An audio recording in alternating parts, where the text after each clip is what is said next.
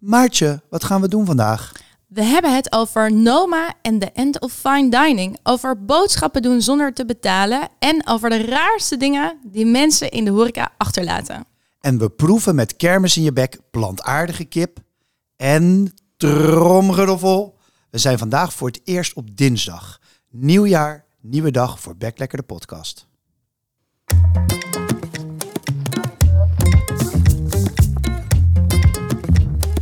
Professionele eters Maartje Nelissen en Gijsbrecht Brouwer vreten zich sneller door het laatste voernieuws dan door een zak M&M's. In Backlekker de podcast delen ze om de week wat hun smaakte, verbaasde en irriteerde. De lekkerste ontdekkingen, licht verteerbare eetweetjes en verse trends. De foodpodcast voor iedereen die beter kan eten dan koken. Maartje, hoe bevalt Dry January? Ehm, ik mocht aanschuiven bij jou bij een diner met een goede vriendin van jou in Rotterdam bij Ox. En ik zag volgens mij een, geen eh, dry cocktail voor jouw neus staan. Ja, shit. Ja, klopt. Ik dacht niet online gedeeld, niet gebeurd. Maar je zat letterlijk naast me, dus je hebt me door. Nou, ik moet zeggen, ik zat natuurlijk twee weken geleden hier in de studio een beetje te klagen over hoe zwaar Dry January mij viel. Maar inderdaad, ik heb één joker ingezet. En ik zou je eerlijk zeggen, het bevalt me zo goed om niet te drinken, dat ik eigenlijk denk van misschien dat ik er ook nog wel dry fab van maak. Oh, wat, een plot twist. Nou moet ik zeggen, ehm, ik hoor dat dus wel van sommige mensen meer. Ik heb in mijn vriendenkring eentje, die is al op 100 dagen. Zo. Houdt zo'n appje bij. En iemand anders al drie jaar. Maar ja, dan ben je wel gelijk om. Nou ja, ik merk dus, ehm, ik vond het die eerste paar dagen viel het me het meest tegen. Maar inmiddels eh, mis ik het niet meer. Dan ben je er best wel snel aan gewend. En mijn agenda is gewoon weer ouderwets vol. Ik heb het gewoon druk. Die dagen zijn duren lang. nou ja. En ook deze winter. Dus ik merk gewoon, ik heb meer focus. Het brengt gewoon rust en ik slaap veel beter. Ehm, nou, en je weet hè, ik Waarmee drink. compenseer je dit dan? Nou, leuk dat je het vraagt. Want jij Ja. weet, ik drink eigenlijk verder, behalve koffie en thee en gewoon drank, drink ik weinig andere dingen. Maar bij deze dacht ik, ik wil even in mijn persoonlijke foodnieuws een ode brengen aan de warme chocolademelk. Ah, nou doe maar. Ja, ik ben echt een koffiesnop. Maar ehm, ik weet nog, 15 jaar geleden was ik in Australië.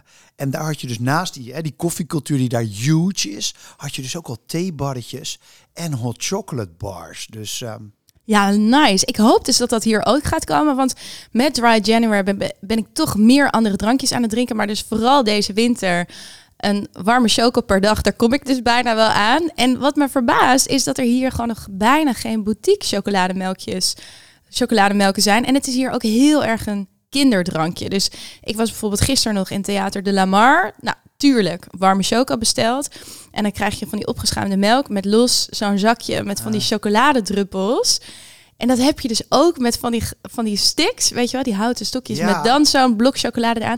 En het werkt niet, want dan slierterig wordt het. precies, het wordt van die sliert omdat de melk dan net niet warm genoeg is, waardoor het precies niet lekker smelt. Toch maar naar Australië gaan van onze chocomels. Nou, ik ben wel een beetje voor. Maar ondertussen hoop ik ook een beetje op een warme choco-revolutie hier. Want ik vond Theater de Lamar in ieder geval vrij origineel. Want meestal krijg je hier overal de horeca toch chocolademelk uit een pak. Terwijl het super culinair kan zijn. Dus je hebt hier in Amsterdam bijvoorbeeld de Macau Movement. Ik weet niet of je wel eens van gehoord hebt. Nee, ik, ik ken het niet, maar ik moet ineens denken, als jij een ode voor de chocomel brengt, heb jij wel eens chocolademelk gedronken in Italië of in Spanje? Dat is echt iets heel anders. Ja, dat is goddelijk. Je krijgt een soort drinkbare ganache of een soort toetje wat je kan oplepelen. Het is echt een compleet verschil met chocolademelk hier. Maar eh, nou, de Macau Movement is een, eh, is een merk, dus die hebben niet per se een eigen bar, maar die verkopen wel een aantal goede eh, koffiebarren en hebben een webshop. En zij maken de chocolademelk bean to bar en helemaal handgemaakt vanaf de cacaoboon. Nou, en het is gewoon next, next level. Het is zo'n andere ervaring. Het is heel kruidig en aromatisch en vol met specerijen. Heel lekker. Maar ik dacht, ik moet toch ook nog even... Gewoon mijn favoriet uit de supermarkt is toch die van Tony's. Oh, Tony Chocolonely. eh, oh, die hebben ook goede Ja. chocomel. Nou, kijk, Ja, eigenlijk is in Nederland dus natuurlijk gewoon de chocolademelkmarkt is chocomel. Weet je wel? Ja. Zo'n typisch geval van merknaam wordt, wordt, wordt soortnaam. Ja, zoals Spa inderdaad. En gelukkig voor mij, om dan even de boel rond te maken, eh, in Veganuary, ze hebben een, sinds, sinds eh, eind vorig jaar een vegan variant. Ze zijn wat late to the party, maar ik moet wel eerlijk zeggen, ze maken hem met cashewnoten. Hij is echt heel goed. nice. En wat is dan jouw eetnieuws? Nou, ik support gewoon helemaal jouw, eh, jouw eetnieuws eigenlijk. Dus ik ga gewoon all in mee voor de Coco Revolution. En dan nog een paar dagen vegan voor mij. Nice. Lieve luisteraars, te gek dat jij weer luistert. Wil jij nou nooit meer ons foodnieuws missen? Klik dan even op dat belletje en rank ons dan meteen in je favoriete podcast app. Maartje, ik heb nog iets leuks iets nieuws. Hè. Bij, bij Eerst Even Dit. We zijn natuurlijk wat meer met onze luisteraars bezig. En wat ik zo leuk vond, is dat we dus in een andere podcast genoemd werden. Ik was echt helemaal vereerd. Die podcast die heet eh, Eten, ik moet even goed zeggen, Eten wat de podcast. Maar soms zeggen ze zelf ook Eten wat de podcast. Vond ik heel grappig. Oh ja, En dat is een Utrechtse eh, pod- foodpodcast. En collega's van ons. En die gingen even kijken wat er in Utrecht ging gebeuren komende jaar, in 2023. En haalden ze onze clubsterrants haalden ze aan. Dus eh, nou, je moet zelf maar even luisteren of zij denken dat dat wat gaat worden Ja. Ik heb nog niet geluisterd, maar ik ben daar wel heel benieuwd naar. Nou, superleuk dat ze ons op, reageren, op ons reageren. En wij zijn ook echt dol op de berichtjes die jullie naar ons sturen. Dus blijf dat zeker doen. En dan zien we je graag eh, in onze Instagram DM bijvoorbeeld. Ja, en dan is het nu natuurlijk tijd voor... Food nieuws. Goed nieuws. Gijsbrecht, de culinaire wereld stond even stil. Begin januari vanwege groot nieuws uit onze scene. Ja, hadden wij net met z'n tweeën een beetje te sparen om naar Kopenhagen te gaan. En gaan ze dicht. Eh, ja, daar gaat ons Gouden Podcast Ja, jubileum. gingen we net zo lekker. Nou, we hebben het natuurlijk eh, over de sluiting van restaurant Noma in Kopenhagen. Sinds de opening, wat alweer 20 jaar geleden is, zou je niet zeggen, eh, is het restaurant vijf keer uitgeroepen tot beste restaurant ter wereld. Maar eigenlijk staan ze sowieso bijna altijd bovenaan alle lijstjes in de restaurantscene. Maar ze stoppen. En eh, wat ze er zelf over zeggen op hun website is... To continue being Noma, we must change. Ja, heel, heel duidelijk statement. Ik heb eh, René Redzepi even gebeld. En eh, die zei dat de slopende uren en intense werkcultuur niet meer van deze tijd zijn. Quote, unquote. Eh, eigenlijk zegt hij, zoals wij graag koken, kan gewoon niet uit. Het kost te veel arbeid om altijd lekkers te maken. Ja, en het nieuws zegt ook, ze stoppen niet helemaal, maar ze gaan door als testkitchen, als innovatielab. En sporadisch doen ze nog pop-up diners over de hele wereld als Noma 3.0. Ehm, ja, en ik ben ook, je weet, ik ben ook een beetje kritisch op dit bericht. Eh, maar ik dacht, laten we beginnen, positief beginnen en even een lans breken voor René Redzepi, de chef en eigenaar. Hij heeft een enorme invloed gehad op de hele culinaire scene. Hij heeft echt iets veranderd, eh, twintig jaar geleden al, en dat ontzettend goed ingevoerd. Want hun visie op lokaal en in het seizoen koken is nu echt overal geadopteerd. Ja, de hele wereld. Ja, en dat heeft hij natuurlijk echt niet alleen gedaan, maar wel enorm aangejaagd en met een hele radicale eh, visie. Eh, dus om een voorbeeld te geven voor onze luisteraars, ze zijn al jaren geleden gestopt met bijvoorbeeld citroengebruik om iets zuur te maken, want dat groeit niet in Denemarken. Dus zo hyperlokaal zijn ze. En dat hebben ze dan op een gegeven moment vervangen door mierenzuur. Ja, van Dus ze- mieren. Van mieren. Dus ze zijn gewoon super innovatief. Ja, maar jij ging Noma afvallen net, zei je ging kritisch doen. Ik weet niet, ik vind dit eh, nog niet heel kritisch. Nee, klopt. Ik dacht ook even goed beginnen. Eh, nou, naast dat hij natuurlijk een geniale en misschien wel de meest gevierde chef ter wereld is, is hij ook ondernemer, is hij ook werkgever, heeft hij een groot team onder zijn hoede. En Redzepi kwam de afgelopen jaren voor het eerst ook wel eens anders in het nieuws, negatief. En zijn zaak bleek niet ongevoelig voor veel problemen die bij alle toprestaurants eigenlijk Ja. wel spelen. En dat is die gigantische werkdruk. Dus ik denk dat het gewoon nauwelijks voor te stellen hoe hard er gewerkt wordt in dit soort toprestaurants. hoeveel moet je werken in als je in zo'n restaurant stage loopt? Nou, uit onderzoek bleek dus bij Noma dat het ook niet gek was als je werkdagen had van 18 uur, 19 uur, 20 uur. Er is trouwens onderzoek gedaan bij veel meer sterrenzaken. Nou, en het, en het wrange is dat je dat ook vaak, dat er nauwelijks salaris is of dat je een soort stagevergoeding krijgt. Omdat het natuurlijk ook een eer is om daar te werken Ja. en dat op je cv te Ja, zetten. ja. Ik doe even weer quotes met mijn vingers omhoog, want dan mag je daar werken. En zo wordt dat ook, of werd, kan ik misschien beter zeggen, ook echt gezien. Dan mag je werken bij, eh, bij of bij een toprestaurant. Krijg je nauwelijks betaald of misschien alleen kosten en inwoning. En ehm, ja, het is gewoon, eh, dat is eigenlijk al niet zo netjes als je iemand als stagiair niet zoveel betaalt. Gaan we in Nederland ook steeds meer van af natuurlijk. Maar ja, als je dan ook nog 18 of 20 uur per dag moet werken, dan gaat het wel steeds meer op uitbuiting lijken. En met die nieuwe Gen Z, laten we eerlijk zijn, die zeggen gewoon, dikke doei, ik ga niet 18, 20 uur werken. En al helemaal niet voor niks. Dus ja, je ziet dat die oude cultuur eh, in deze tijd van personeelstekort gewoon niet meer werkt. Ja, klopt. En Re- Re- Red Zappi die trekt ook wel zelf het boetekleed aan en die zegt daarover: ik hoop dat we de wereld kunnen laten zien dat je ouder kunt worden en creatief kunt blijven en plezier kunt hebben in deze industrie. Dus in plaats van hard, vreselijk eh, slecht betaald werk te doen onder omstandigheden waarbij ook heel veel mensen opbranden. Nou, en ook op hun bericht, op hun Ja, eigen. Het is best een positief bericht. Hij geeft aan, Ja. hij snapt de verandering. Ja, hij snapt het echt. Ja. Dus ik, je voelt ook dat hij zijn verantwoordelijkheid wil nemen. En dat ze ook, hè, dus inderdaad, wat hij ze- zegt, ze willen veranderen om toekomstbestendig te worden.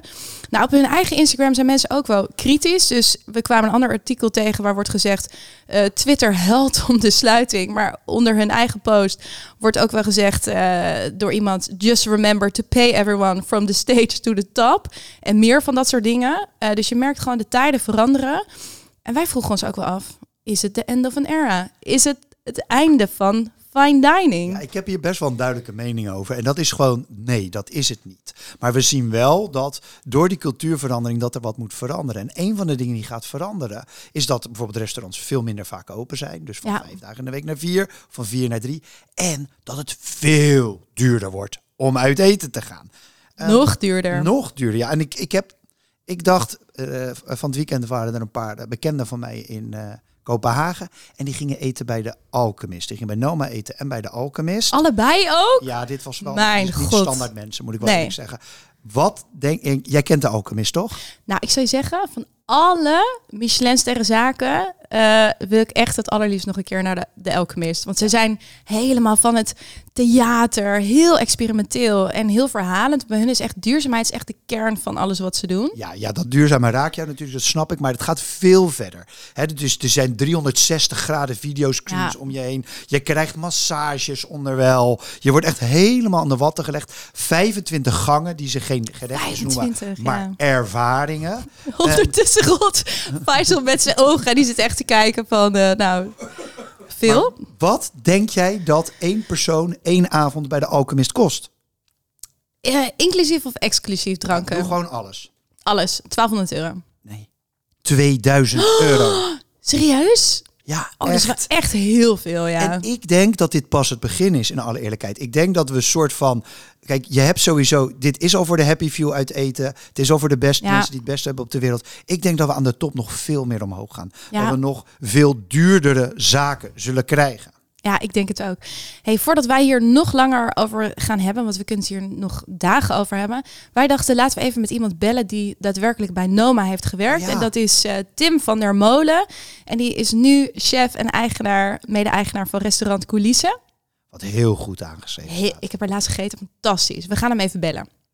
Hallo Tim. Hey Tim, met Maartje en Gijsbrecht van Back Lekker de podcast. Hey, su- Hey. super dat we jou even mochten bellen, want jij hebt 2,5 jaar bij Noma gewerkt en natuurlijk meegekregen dat Noma gaat sluiten eind volgend jaar. Als je die berichten hoort, Ja. wat, wat vind je ervan? Eh, nou ja, ik vind, ik vind het jammer, maar ik denk dat het wel een beetje in lijn ligt eh, met wat ze eerder hadden aangekondigd. Volgens mij is een jaar geleden ook al zoiets aangekondigd, toch? Ja, klopt. En natuurlijk ook in relatie dat het niet meer houdbaar is, de enorme werkdruk en de stress. Hoe, hoe zie jij die? Eh, nou ja, ik denk dat het is waar ze al heel lang mee bezig zijn. Eigenlijk ze iets eh, verhuisd zijn naar een nieuwe, nieuwe locatie.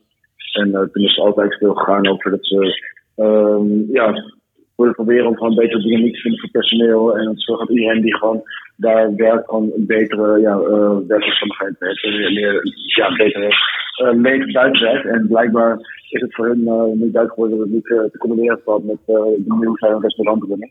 Ik denk dat ze ook gewoon vooral zijn dat uh, ja, als restaurant uh, daardoor echt achteruit gaan. In plaats van dat ze Ja. uh, vooruit gaan kunnen blijven boeken op elke stap Want hoe heb jij dan die druk ervaren toen je er werkte?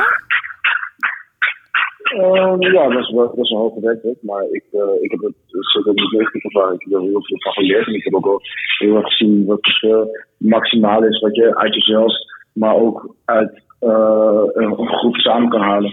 Ja. Als je gewoon ja, op die manier te werk gaat. Dat heb ik wel heel bijzonder gevonden. Ja. Hey, en jij hebt nu je eigen zaak, restaurant Coulissen in Amsterdam. Daar kook je al echt op ongekend hoog niveau. Hoe zie jij jouw rol richting jong talent in de keuken?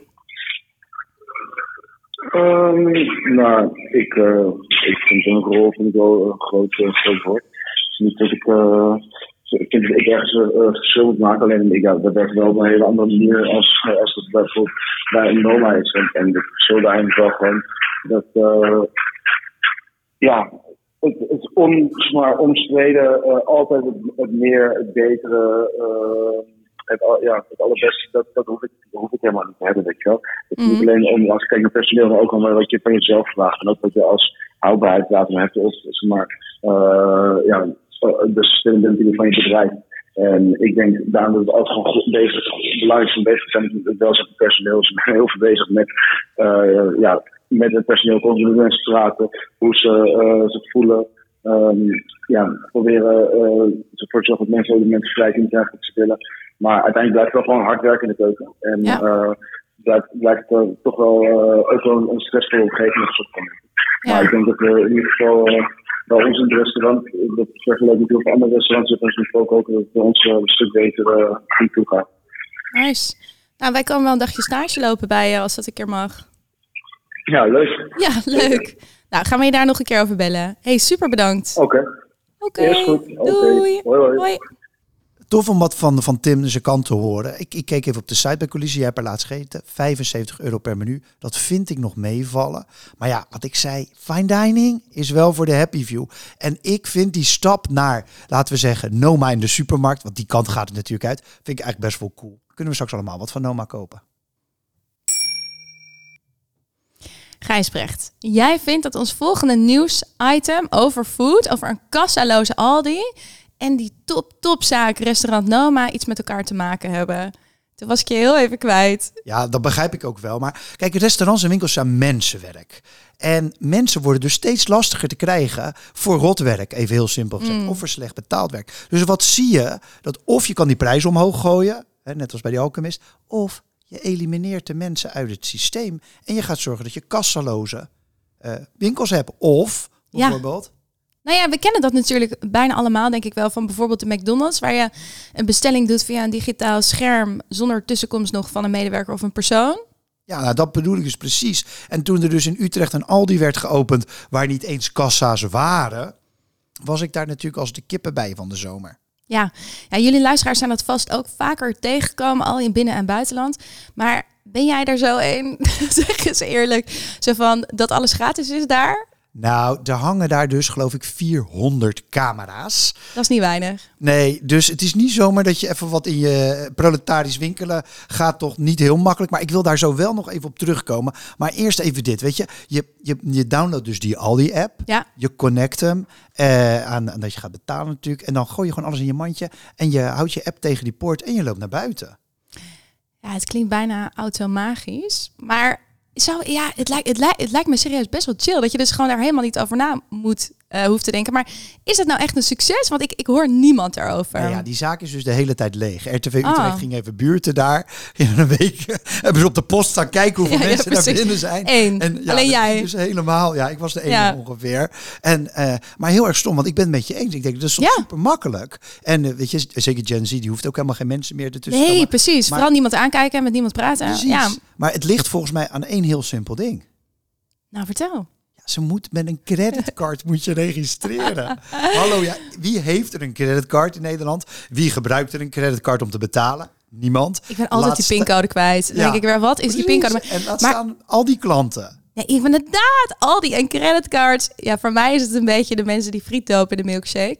Maar dit lijkt me dan ook niet moeilijk om op te lossen, toch? Of, of is de techniek toch heel gecompliceerd dat het alleen met een creditcard kan? Ja, dat geloof ik niet. Maar ik, heb, ik, ik wilde even uitzoeken wat voor bedrijf in achter zit. Want dat doet Aldi natuurlijk niet zelf. Nou, die werken samen met een Israëlische start-up. Tuurlijk. Daar zit 200 miljoen euro venture capital in. Oké. Okay. Dus, um, en ja, ik ging die site bekijken. Het was wel een beetje zo. Ik denk, oké, okay, volgens mij zijn het ook dezelfde lui die zorgen dat uh, alle telefoons over de wereld worden afgeluisterd. Dat oh, ja, ja, ja. een beetje creepy uit allemaal. Um, maar ja, ik denk dat ze dat, als Aldi nu gewoon opbelt met die lui in, uh, in Tel Aviv, dat ze gewoon toch ook kunnen aanpassen, eerlijk gezegd. Ja, ik, hoop, ik hoop het voor ze. Ja, ik denk, ja, op zich hoop je dat die supermarkten wat kunnen leiden. Maar Ja, Ja, ik zou het natuurlijk nog wel even over, eh, over proletarisch winkelen hebben. Want Ja. dat- daar doe jij natuurlijk op, want ze Ja. kunnen wel wat leiden. ja. De laatste tijd op TikTok ging daar, eh, ging er een aantal van die filmpjes rond over mensen die lieten zien hoe ze bij de kassa, eh, bij de zelfscanskassa, bij de Albert Heijn bijvoorbeeld of bij de Lidl, dat ze dan heel slim even net een pak waspoeder ergens onder staken of Oh. een beetje het duurste ding niet afrekenden, zeg maar. En ehm, ja, nou ja, dat, eh, dat, dat was dus een, even een hypeje op TikTok. Ja, maar volgens mij kan het dus gewoon alsnog uit, toch? Eh, dus twee cashiers minder, dan kan je best wel wat wasmiddel Ja, of... eh, of geen nee. ik, heb echt serieus geen medelijden met, met de supermarkten. Weet je, dat, dit- het is gewoon een berekening. 6% eh diefstal is altijd nog goedkoper dan twee cashiers minder. Precies. Ja, het is gewoon een beetje zoals Las Vegas. The house always wins.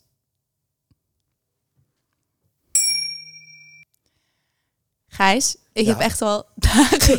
Jij gaat meteen Ik ben lachen. op onderweg te komen, dus ik moet lachen. Oké, ja. Wij hebben al dagen een liedje in ons hoofd. En ik denk wij met een groot deel van de rest van Nederland. Er staat een paard in de gang. Is het omdat het carnaval bijna is? Ja, je zou het denken. Ja, het, is, het is er enigszins aan gelinkt, maar ook weer niet. Maar het was nationaal nieuws en ik ga jullie even meenemen in het hele verhaal. Er waren twee dronken mannen die een pony achterlieten op het terras in het centrum van Den Bosch. Pony Chrisje, wist je dat? Pony carnavalsgebied. Maar nee, het was, eh, het, was geen, eh, het was geen carnaval. Je denkt, was het diep in de nacht? Hè? Was het een wilde zaterdagavond? Nee, het was een maandagmiddag om half vijf... waarbij deze twee jonge mannen, volgens mij zijn ze echt 19 en 20... aankwamen met een mini-paardje. En ze zeiden tegen de bediening om kwart voor zes... wij zijn even roken. En er zijn allemaal filmpjes van gemaakt. En dan zie je ze op zo'n eh, beveiligingscamera... zie je ze zo heel rustig uit beeld lopen. En daarna heel hard Oh, wegrennen. En dan staat dat paardje er nog. Nou, gelukkig wel heeft het restaurant meteen de dierenambulance gebeld. Die zijn uitgerukt. En ehm, eh, hebben het kleine paardje meegenomen. En gelukkig, Oh. gelukkig, onder een warme deken. Goed verwend met wortels. Ik heb echt zoveel vragen bij dit verhaal. Ehm, waar haal je zo'n paard vandaan?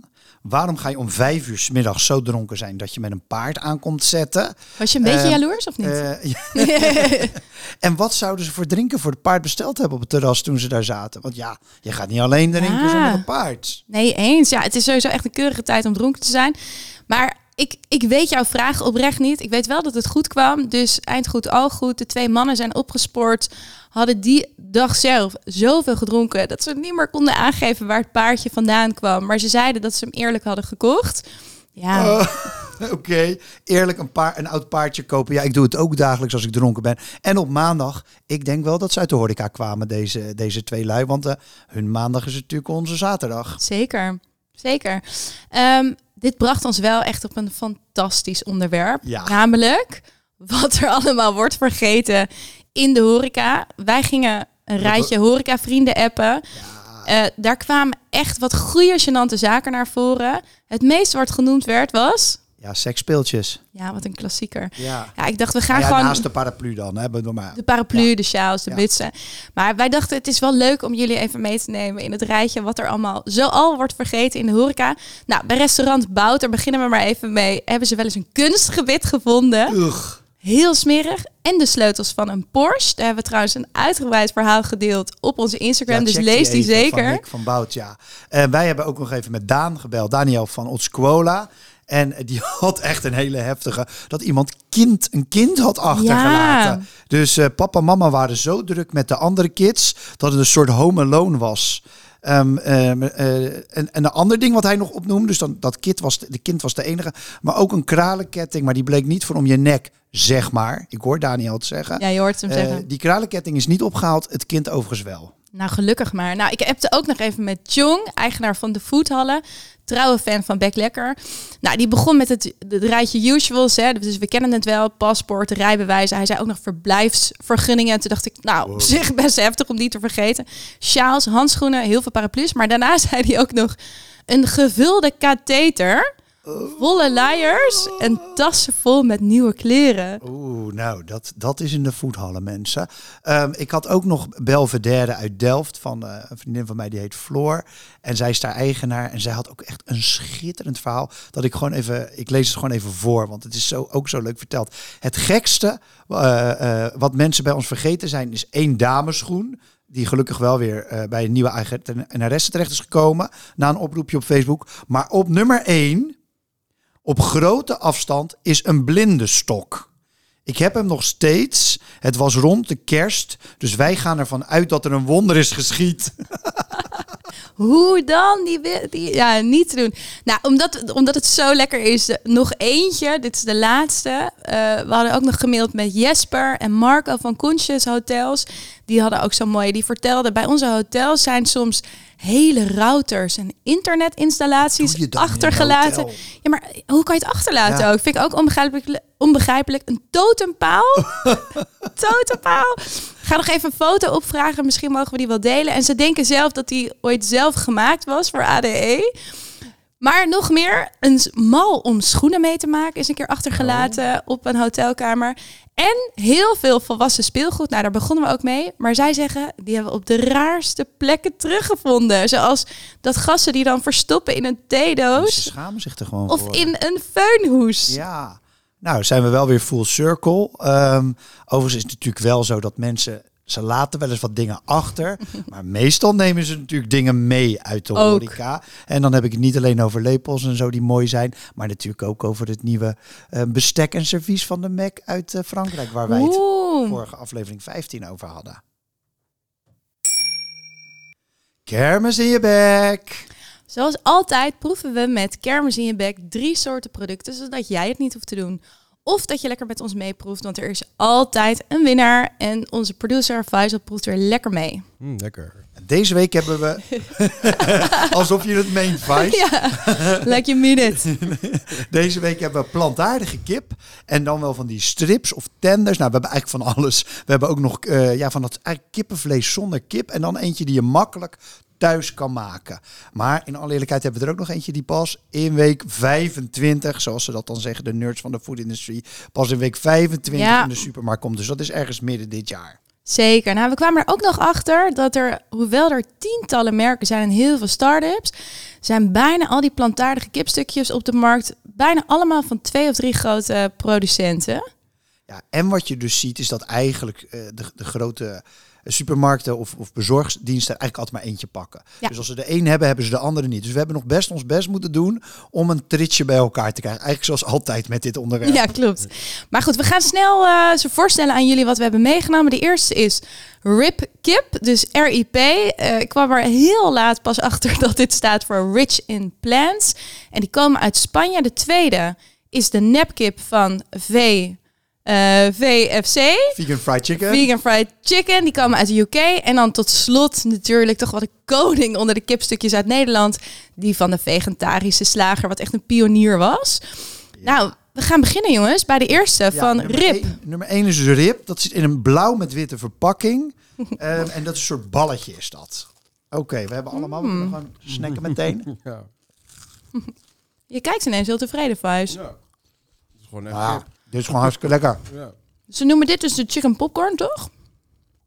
Ja, die balletjes zijn, dat worden popcorn genoemd. Ja. Ze hebben, je hebt tenders, je hebt popcorns, je hebt... Mm. Het is allemaal in, in de wereld van de industrie wordt het allemaal ingedeeld. Wij pakken gewoon wat. Tenminste, ik pak dan Ja. gewoon wat als ik voor dat schap sta. Maar Wat proef jij, Vuis? Mm, het lijkt gewoon echt kip.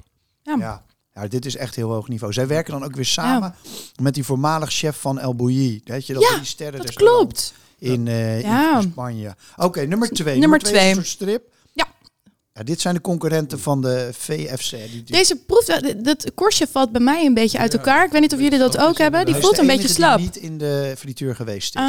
Omdat dat niet op de verpakking Oké. stond. Dus deze komt uit de oven. Ja, deze valt bij mij een beetje uit elkaar, maar ik ga lekker proeven. Nou, hij is iets eh, Meliger of zo. meliger. En da- daardoor ook, dat scheelt wel ten opzichte van, van natuurlijk de frituur. Maar hij is ook iets chewier, vind ik. Ja. Ja, de structuur is voor mij een beetje rubberig. Maar wat ik Ja. wel lekker vind, is dat er veel meer kruiden in de korst zitten. Ja.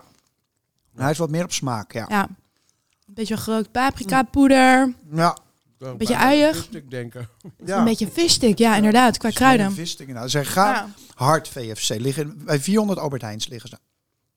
Dan de laatste. dan als laatste natuurlijk Dat is de, een groot hap. ja, de all, all good, oud vertrouwde, vegetarische slager, kipstukjes met CK.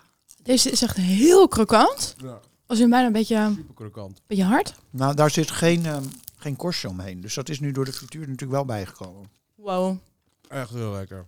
Dit is wel echt het meeste... Wat je in de buurt... Het meest kippige wat je in de buurt kan komen van kip, toch? Ja, Ja. dit smaakt echt naar kip. Die structuur is heel knap. Omdat je dus dat... ik- Die, qua Ja. structuur is het inderdaad... Die laagjes wat je ook in een kippenvlees Ja. hebt, vind ik heel knap nagemaakt. Oké, winnaar. We hebben dus één de ribkip. Twee hebben we VFC. En drie natuurlijk de vegetarische slager. Ja, de vegetarische slager. Ja, voor mij ook. Oké, ja, ik vond de ribkip het lekkerst. Ah, Ja, gewoon dat crunchiness. ja. Zeker voor mij een goede tweede. hey Gijsbrecht, waar kijk jij naar uit? Nou, in alle eerlijkheid kijk ik gewoon uit naar februari. Ehm, ik heb echt een topmaand voor January. Ik heb echt goed sterren gegeten bij Fitzgerald bijvoorbeeld. Maar ik heb zo'n zin in gewoon weer een croissant met dikke roomboter erin. Dus daar kijk ik naar uit. Oeh. En jij? Ja, ik, ik ga wel weer eh, full vegan. Ik heb net het eh, pop-up diner geboekt bij Local. Fantastisch plantaardig eh, concept van chef Pepijn Smijk in Amsterdam. En die hebben een eh, pop-up of een collab met Vanja van der Leden. Dus daar kijk ik onwijs naar uit. Ja, heel gaaf. Dit was Back Lekker de podcast vanuit Bunk in Amsterdam-Noord. Dank aan Gold Kimono voor deze lekkere tune. En aan Faisal natuurlijk voor de productie en het meeproeven van de kipstukjes. Vergeet niet onze podcast te raten in je favoriete podcast app. En heb jij nog goed nieuws? Laat het me vooral weten via Instagram en LinkedIn. Je vindt ons als je zoekt op Back Lekker de podcast. all the way down to Tot over twee weken.